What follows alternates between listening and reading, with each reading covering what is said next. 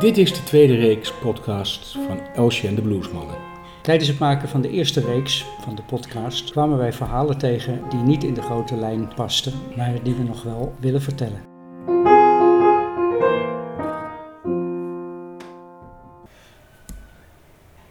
Deze aflevering gaat over James Reese Europe. En dat is iemand die we in de podcast al eerder zijn tegengekomen. Maar jij wilde, Michael, jij wilde hier graag nog een aparte aflevering aan wijden. Ja, dat komt kort nadat we de vorige aflevering hadden opgenomen, kwam ik, een, uh, kwam ik zijn naam tegen in een boek over, over hoe de jazz in Europa in de literatuur uh, is verwerkt. En dat was enorm interessant. Dus toen ging ik van alles over hem opzoeken. En uh, ik vond toen een schitterende foto die intussen in mijn kamer hangt en die misschien binnenkort ook in een kamer bij jou komt te hangen. Hij staat op de piano. Hij staat op de piano, dat is een hele goede plek ook. En op die foto zien we James Reese Europe als dirigent van de Clef Club Orchestra. En uh, die foto is genomen in 1911 in de Manhattan Casino in New York. En een paar maanden later gaat hij met dit orkest optreden in Carnegie Hall. En dat is het eerste optreden van een Afro-Amerikaans orkest in Carnegie Hall. En bovendien voor een gemengd publiek. Mm -hmm. En gemengd echt in de zin dat de mensen in de zaal door elkaar zaten. En dat was ook voor het noorden was dat uh, echt bijzonder. Ja. En het orkest zelf is ook bijzonder. Want... Het orkest zelf is heel bijzonder. Ja, want uh, uh, als we naar die foto kijken, dan zien we niet het orkest wat je wat je zou verwachten. Je ziet ze zitten in een zaal, uh, als het ware met hun rug naar het podium. De, alle stoelen zijn eruit gehaald. James Reese Europe staat vooraan, zoals je zou verwachten van de dirigent. Voor hem staat een tafeltje of een kist waarover de Amerikaanse vlag is gedrapeerd. En achter hem aan de ene kant zitten drie rijen met banjo-spelers, gitaristen, uh, en aan de andere kant met mandolinerspelers en gitaristen. En over die bezetting komen we misschien zo nog, of nog, komen we wel zeker nog uitgebreider te spreken. In het midden staan cello's en uh, een enkele contrabas. En op het podium zie je uh, mannen die er net iets anders uitzien. Want die hebben niet de zwarte smokings aan, maar die hebben een, wel, een, wel een zwart jasje, maar witte broeken. En als je goed kijkt, kun je dat, dat ze zien dat hun gezichten uh, gesminkt, gesminkt zijn. zijn. Zij hebben in feite een soort blackface. Ja. Het zijn minstrels. En er staan nog allerlei losse mensen omheen. Je ziet nog een enkele viool, een enkele... Er zijn blazers nog achter. Er zijn een paar blazers, ja. ja um, uh, maar niet veel. En er zijn ook heel veel uh, mannen die gewoon ergens staan achterin. Mm -hmm. En mijn gok is dat dat pianisten zijn. Want daar had hij wel meerdere van. Bij, ja, uh, dit orkest had uh, 10 tot 14 piano's. Ja. Dus het was een hele bijzondere bezetting. Want je noemt al aardig wat, het, het zijn er heel veel ook, hè? Het zijn er, ja, als, uh, het, kijk, um, wat zullen we doen? Zullen we eerst een klein stukje luisteren? Ja, ja dat is een goed idee. Ja. Dat kunnen we helaas niet van het orkest zelf. We kunnen het luisteren van um, wat dan heet de Paragon Ragtime Orchestra, is een opname uit 2003. Uh, een orkest wat zich toelegt op het spelen van muziek uit die tijd. En die hebben een plaat opgenomen waarop ze het repertoire van dit orkest spelen. En uh, ik, het lijkt mij leuk om de Clef Club March te laten horen, omdat dat, zou je kunnen zeggen, de herkenningstune is. De herkenningstune ja.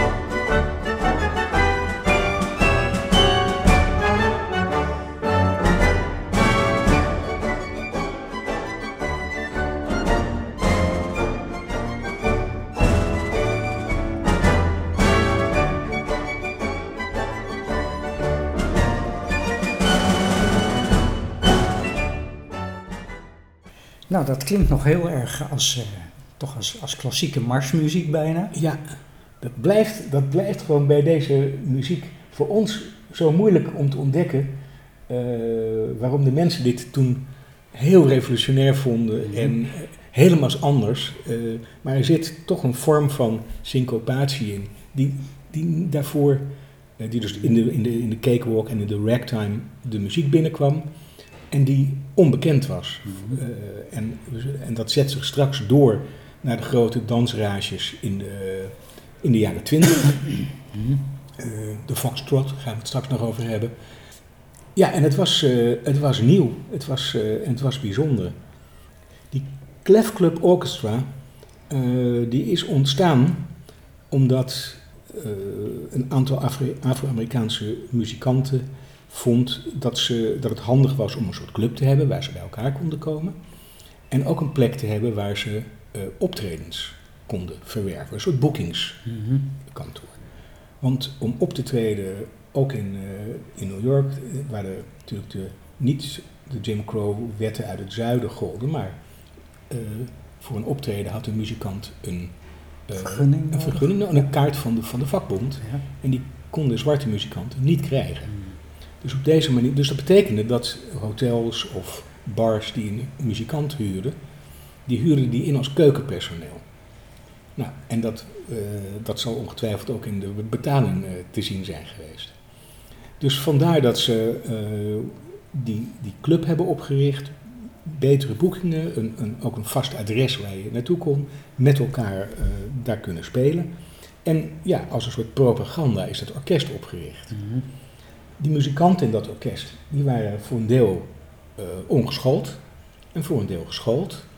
Als je op de foto kijkt, zie je vooraan muzieklessenaars staan.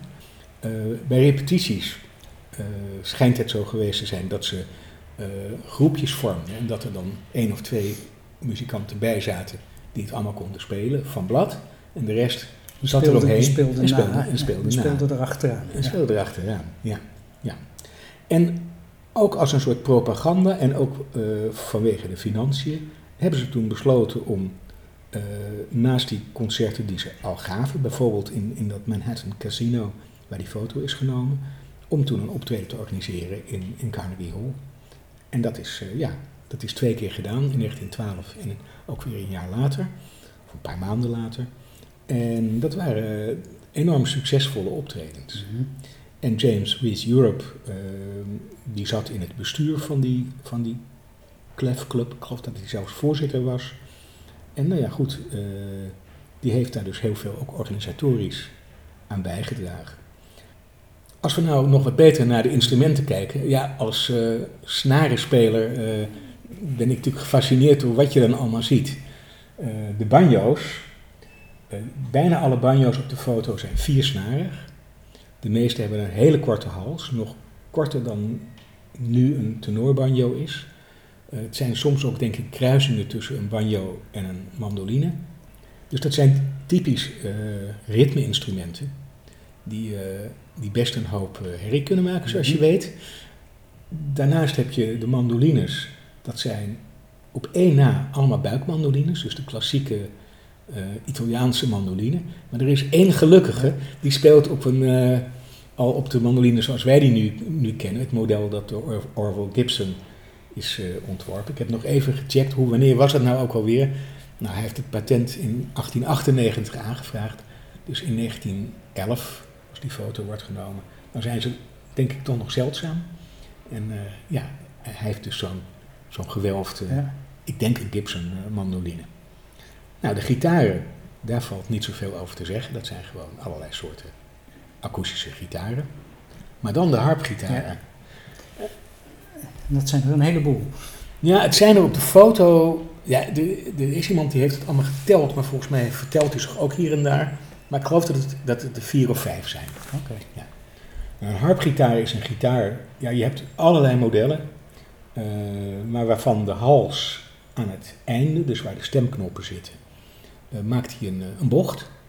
En dan kun je dus nog een aantal losse snaren ertussen inspannen. nou ja, dat, dat, zijn dus, dat zijn dus aan de kant van de lage snaren van de gitaar, span je nog een paar extra ja. snaren. vaak vijf. Of je maakt nog een tweede hals. Als je op de foto kijkt, zie je zowel dubbelhalzen als die, uh, die losse snaren die, die er overheen hangen. En wat doet dat? Wat doet dat met het geluid? Ja, dat doet met het geluid dat je extra lage snaren hebt. Ja. Heel laag. En uh, we laten zo een stukje horen van een, uh, iemand die je op YouTube heel veel vindt, Jamie Dupuy. En die speelt allerlei covers op, een, uh, op zijn harpgitaar, run, meervoud. en, en we laten nu een stukje horen van Time After Time. En dan moet je eigenlijk vooral letten op de lage noten, want die zijn veel lager dan een, dan een gitaar kan gaan.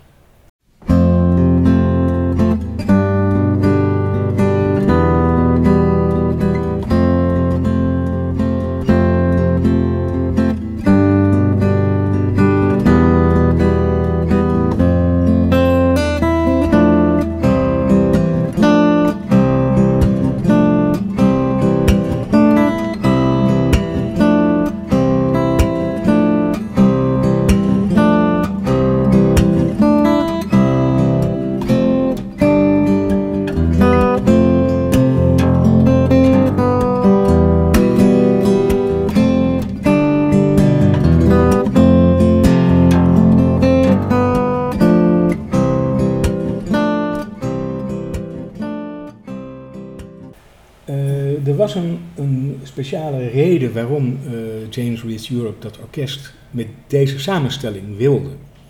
Hij vond namelijk dat bij uh, Afro-Amerikaanse muziek zoals hij die wilde maken, daar waren snaarinstrumenten geschikter voor dan uh, de instrumenten die in een normaal symfonieorkest. Bij het gesyncopeerde geluid horen dit soort instrumenten.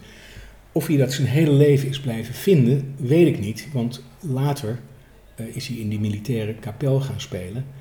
Uh, en daar zaten natuurlijk wel veel blazers in. Zij dat die blazers, dat kan ook nog een reden ge geweest zijn, niet direct in New York gevonden konden worden. Dat, dat ze toen voor die militaire band Puerto Ricanen hebben ingevlogen. Ja. Ja, dus dat kan ook nog een reden zijn. Dat, dat, dat, dat weten we eigenlijk niet. Nee. Maar dat is opvallend, ja? vind ik dus ook dat hele uh, veelgezelschap wat daarachter zit met die blackface. Ja, uh, dat is omdat zo'n avondprogramma, dat ja. moest natuurlijk niet alleen maar muziek zijn, nee. maar tussendoor werden ook nog minstrel acts. Ja, het was uh, ook een soort min minstrel show met een uitbreiding met een heel orkest. Ja, ja, ja, en dan moet je je dus voorstellen dat dan ergens, ik neem aan, een beetje achter op het toneel, stonden dan tien piano's rug tegen rug. Het waren geen vleugels, maar gewone piano's. Uh, ja, dat moet een, ook echt een over... Ik net zeggen, bedoel, van Phil Spector noemden ze ja. de wall of sound, ja. maar dit moet ja. een wall of sound zijn geweest. Ja, en dat hoor je niet in die opname nee. van dat Paragon orkest helaas. Ja, ik, ik zou wat voor geven om dat, uh, om dat te kunnen, hoe dat geklonken heeft. Dat, uh, echt fascinerend, ja. Hoe kwam ja. James Reese Europe hier? Ja. Hij is in 1881 geboren. Ja, 1880. 1881, 81. Ja, maakt niet uit. In, in, hij was zo rond de 30 jaar ja. toen hij dit Klopt. op poten uh, had gezet. Ja, hij is geboren in, in, in het zuiden, in Mobile, Alabama. De familie is naar Washington verhuisd. Zijn vader had een, uh, ik geloof een baan bij de post, maar was, daarnaast werd hij ook makelaar. Maar is heel jong overleden. En uh, nou ja, dat, uh, dus was lastig voor moeder met vier kinderen. Uh, waarvan er drie uh, heel erg muzikaal waren. Zijn zusje is pianiste en organiste geworden. Niet beroepsmatig, maar wel, wel bekend. Hij had een broer die ragtime pianist was. En, dus het zat in de familie. En hij zelf is eigenlijk jong naar New York gegaan met het idee dat je daar als muzikant nou ja, makkelijker kost zou kunnen komen. En hij was, op dat moment kon hij al piano, uh, viool en banjo spelen. Uh, maar ja, ik kwam naar, naar New York en er zat toch niemand op hem te wachten. Dus hij moest zich echt invechten in de grote Afro-Amerikaanse uh, muziekscene die er was. Dat probeerde hij eerst op de viool, dat lukte helemaal niet. toen als mandoline spelen, dat heeft hij zelf kennelijk ook geleerd. En toen, en dat ging het beste als pianist. Uh, maar uiteindelijk uh, kreeg hij toch eh, zijn succes vooral omdat hij ook kennelijk de gaaf had om orkestjes te leiden en eh, nou ja, eh, ik denk muziek ook te schrijven en te arrangeren. En hij kreeg een eerste succesvol baantje in het eh, orkest van Ernest Hogan. Mhm. En Ernest Hogan, eh, die kennen wij eh, van het nummer All Coons Look Alike to Me. Op zich dus alweer heel opmerkelijk dat een, Een zwarte, zwarte zanger dat zingt. ja, ja, ja, een heel racistisch eh, eh, liedje eigenlijk. Maar die, die Ernest Hogan die had, een, een, vormde een bandje, de Memphis Students. Die waren heel succesvol. Het was zang en orkest. En ook in dat orkest zie je vooral mandolines, harpgitaren en banjo's. Hm. Dus dat, en zij speelde eh, ook veel folkachtige muziek, spirituals. eh, en ik denk gewoon populaire, populaire liedjes. En eh, wat denk ik goed is om te weten, is dat er een sterk gevoel heerste in die tijd dat eh, Afro-Amerikanen ja, een stap verder moesten kunnen komen dan de ragtime Mhm. en eh, de minstrel shows, eh, de, cake, de cakewalk. Eh, ze wilden meer. Want even, want dit is nog, nog voordat er jazz op de plaat komt. Eh, ja, dit is allemaal zo in de eerste tien jaar van de 20ste eeuw. Ja. Dus er wordt af en toe wel eens wat op. En de ragtime is dan al echt Ja. behoorlijk populair. Ja. Eh, en, en de cakewalk die er eigenlijk min of meer aan vooraf is gegaan. Ja, dat moet je zo nog even uitleggen. Ja, ja. De cakewalk, dat zegt mij zelfs niks. Oké, de, de, de, de cakewalks die, die ontstonden op de, op de plantages. Waar eh, de slaafgemaakten, die gingen daar misschien met enige ironie, ik weet het niet, nadoen hoe, hoe, de, er werd, hoe de witte mensen dansten. Ah, het is een dans dus. Het is een dans en daar werd een wedstrijd aan verbonden. Mhm. En de prijs was een cake, Ah, grote ja. taart. Zo letterlijk. ja. Ja, en dat, werden, ja, dat is later... eh, Verworden tot een kermisattractie. het is later ook een Ja. kermisattractie geworden. Maar als Misschien je... niet voor niks met die naam, omdat je die Ja. beweging... Klopt, Ja. ja. Ja, En als je nog... Je kunt hier nou wel filmpjes op YouTube vinden waarin je dat ziet. Die hele, hele oude opnames. En dan zie je dus heel veel inderdaad lopen waarbij de benen in de lucht worden geworpen. Eh, ja, en dan... Je kunt dan, dan met een beetje fantasie voorstellen dat dat eh, een bepaald soort swing eh, Mhm. in zich heeft. Bijvoorbeeld in een van de, de eerste Ameri- Afro-Amerikaanse romans is The Autobiography of an Ex-Colored Man. Nou, dat is, het voert te ver om de titel te verklaren, van James Weldon Johnson. En die, de hoofdpersoon daarin, die, die zegt dan, we hebben al heel veel bereikt, we hebben al eh, een aantal grote dingen laten we al na aan Amerika. De cakewalk, ragtime, onze folksongs, onze spirituals. Maar dan staat er ook in een soort volgend zinnetje bij. These are lower forms of, of art. Mhm. Maar ze laten wel zien wat voor power wij hebben. Ja. Maar er zit een ambitie om ook de hogere kunst Ja. nog eh, Ja, ja. En nou ja, goed. uit te blinken. Precies. Nou, en dan heb je ook een aantal eh, rolmodellen nodig. Mhm. En aan drie ervan wil ik even heel kort eh, aandacht besteden. Mhm. De eerste is dan eh, die Ernest Hogan. Een nummer waar, waar we ook niet het origineel van kunnen laten horen. La Pa Mala. Mhm. Ja, ook een, een beetje een dansachtig. een grote hit van hem Een geweest. grote Ja. hit van hem geweest, ja. In dit geval in de uitvoering van de Manhattan Ragtime Orchestra. Ook zo'n orkest wat dus ragtime naspeelt uit 2004.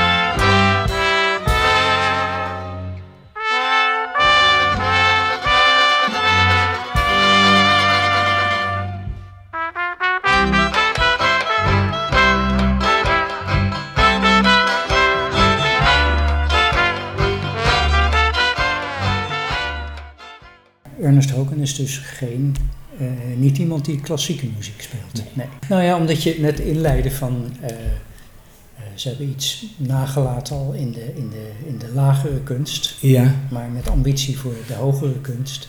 ja. Maar, maar toch ook in die muziek van, van Ernest Hogens ehm, zit, zitten al in zo'n stuk zitten al allerlei elementen.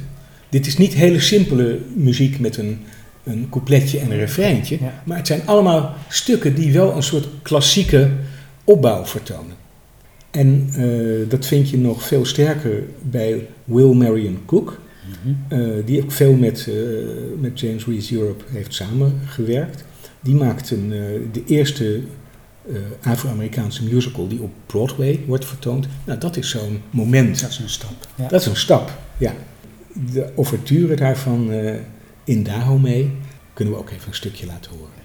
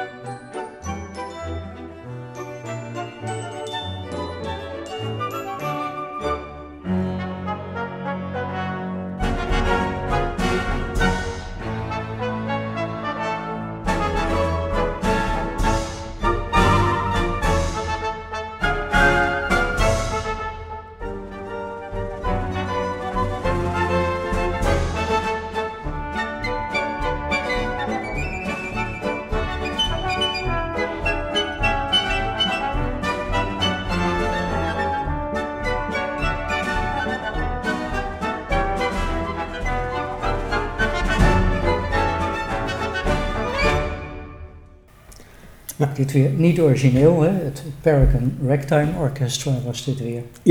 Zeker, ja. Ehm, en dan de derde is geen eh, Amerikaan, maar een Engelsman, maar wel een die in Amerika heel erg hoog werd gewaardeerd. Samuel Coleridge Taylor, die zijn naam dus voor een deel gemeen heeft met een beroemde Engelse dichter uit de romantiek. En die probeerde om Afrikaanse muziek en de westerse klassieke traditie met elkaar te verbinden. Die African Maler werd hij, eh, werd hij genoemd. Eh, en die heeft bijvoorbeeld ook eh, spirituals, ja, klassiek, Bewerkt. klassiek bewerkt. Ja. Ja. En dat werd in die tijd door een witte violiste die heel populair was, Maud Powell, werd dat omarmd. En die heeft ook heel erg veel nou ja, daarin betekend. En ook, ook voor de, misschien voor de opkomst van, van die muziek betekend. En daar kunnen we wel een klein stukje van horen als hij de, het bekende spiritual Deep River speelt.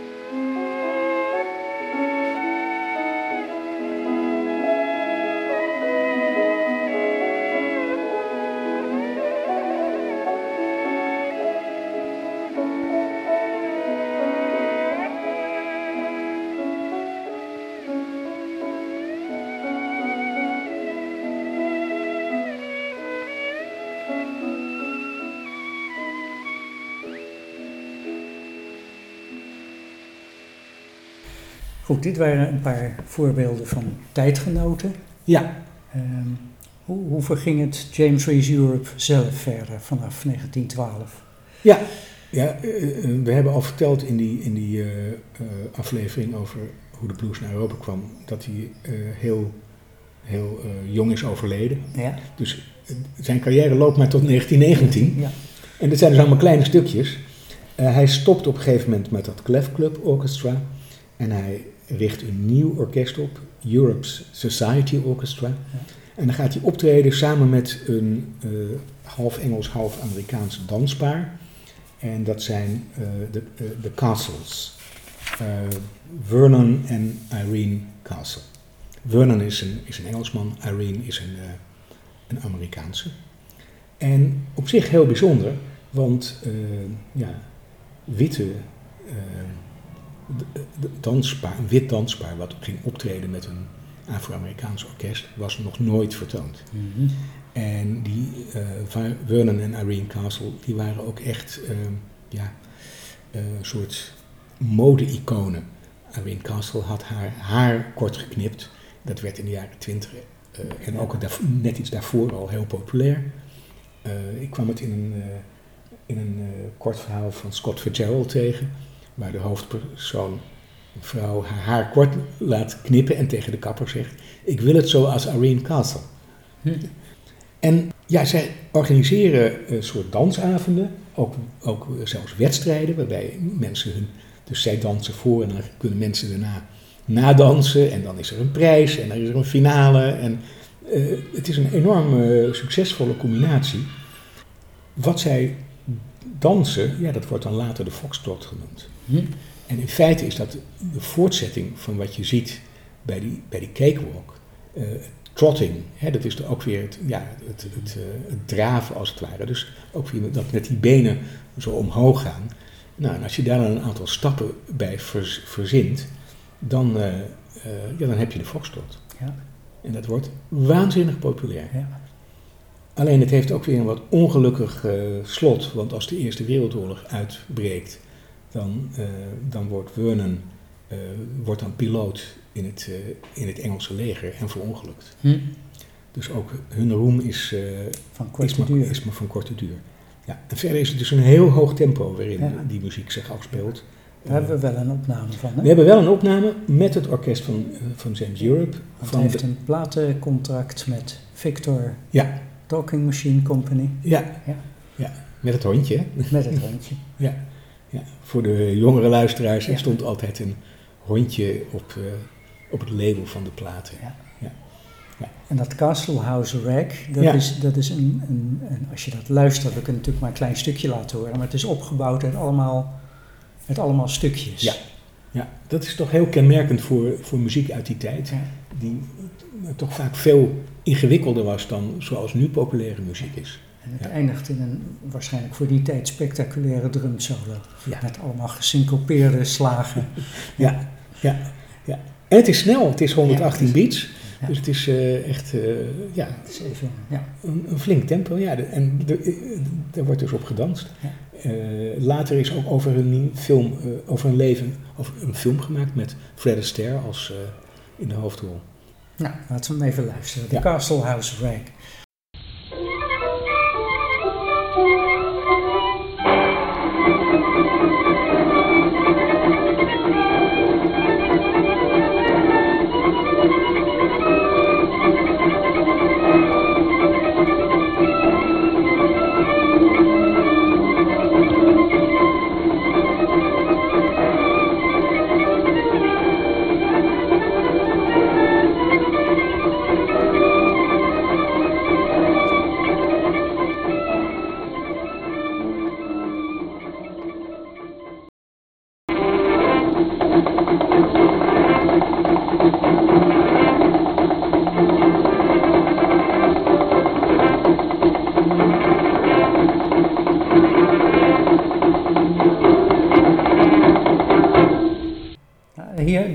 Toen ik dit luisterde, dacht ik, oh ja, hier kan je dus het vernieuwende wel al in horen. Ja. Dat, eh,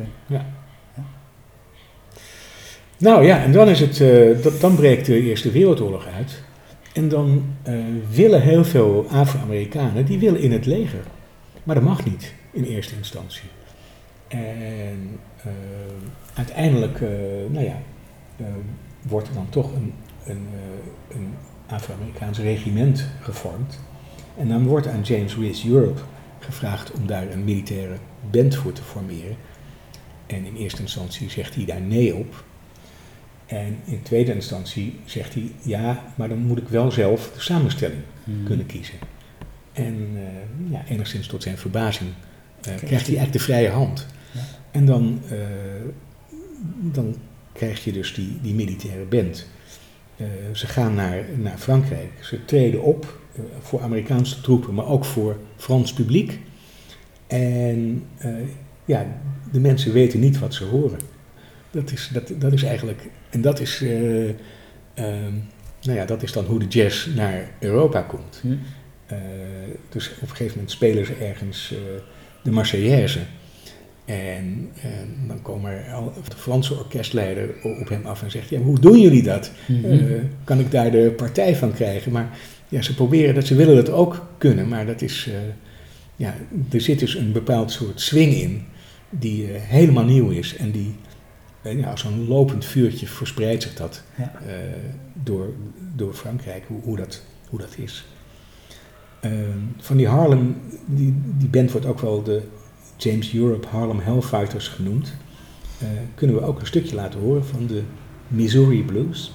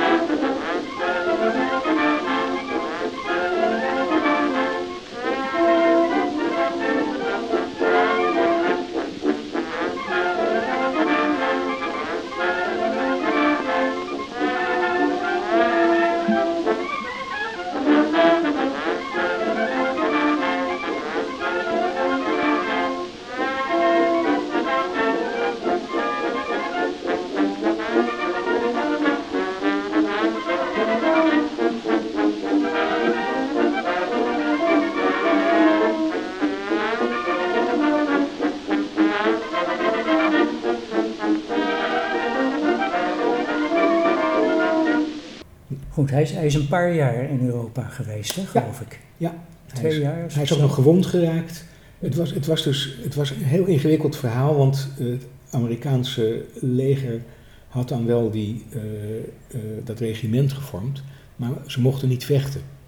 En toen is er een hele ingewikkelde constructie bedacht, waarbij ze eh, aan het Franse leger zijn toegevoegd als een soort los regiment. En toen mochten ze wel vechten.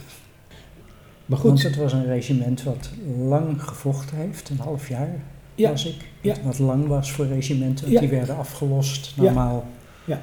En heel succesvol is een beetje een raar woord, Ja. maar ja, in ieder geval met, met, met, met heel veel eer en, en tromgeroffel weer ja, ontvangen toen ze weer terugkwamen ja. aan het eind van de oorlog. Ja, en dat is ook echt heel bijzonder, want toen ze terugkwamen is er een, eh, een parade georganiseerd in New York. Zoals dat ja, misschien nog steeds wel gaat. Zo'n ticker tape parade Mhm. waarbij mensen Confetti's confetti vanaf uit... het eh, dak over de straat gaan. ja. En nou ja, daar, daar stond eh, de, de commandant van, van, eh, van, die, van het regiment. ik weet, ben niet goed in de militaire termen, maar enfin, die stond op de auto. Maar James Reese Europe stond daar ook op die auto. En de band stond erachter en speelde. Hm. En, en de, de parade, dat was heel bijzonder, die vond in tegengestelde richting plaats eh, als waarin ze dat normaal deden, zodat ze eindigde in Harlem. En daar was, de, nou ja, daar was toen een optreden en feest en Hm. weet ik wat. En daarna, eh, nu komt het, eh, ja, nu zijn we alweer bijna aan het einde. Het tragische deel. Ja, ja. ja. Op zich wa- was iedereen moe en natuurlijk ze hadden ge- gereisd, gevochten. Maar ze gingen toch met dat, eh, met orkest toen op tournee. En tijdens die tournee voelde een van de twee slagwerkers van het orkest zich ondergewaardeerd, werd boos eh, en heeft toen in de pauze van een repetitie eh, heeft hij James Reese Europe met een, met een helemaal niet zo groot mes gestoken. En dat zag er allemaal niet zo ernstig uit, maar een paar uur later was hij toch dood. Hm. En ja, daar eindigt dus eigenlijk, eh, eindigt zijn verhaal. Een heel bizar slot. ja. Een heel bizar slot, ja. ja. Van iemand waarvan nu ik er veel meer over te weten ben gekomen, waarvan ik denk van, als dat niet gebeurd was, eh, had hij, was hij mogelijk heel beroemd geworden. Ja.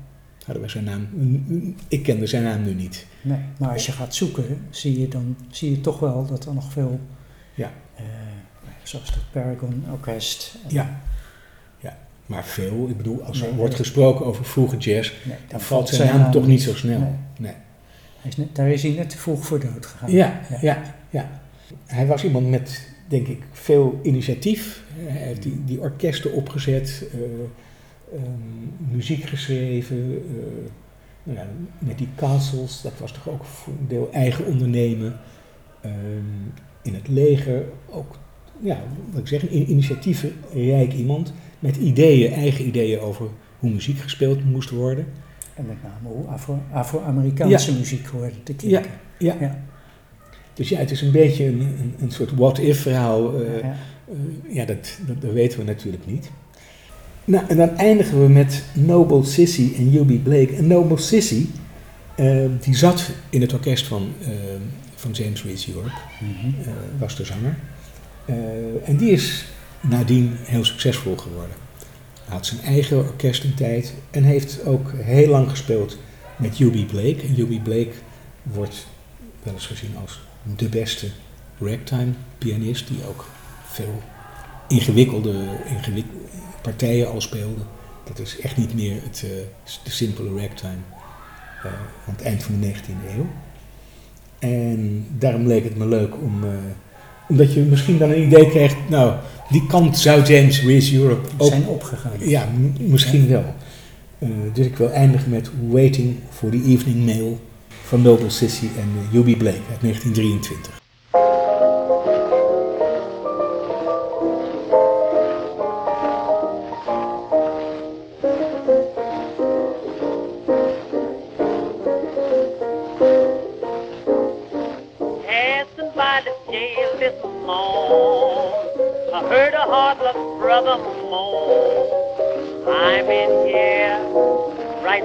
Don't belong. I never done no wrong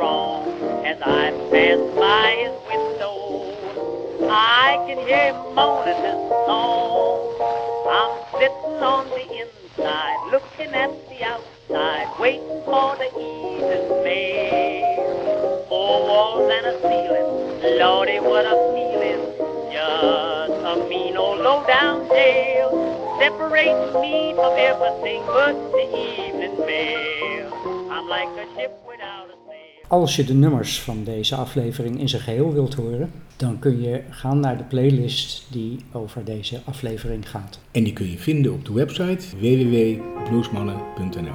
En in de aankondiging van de podcast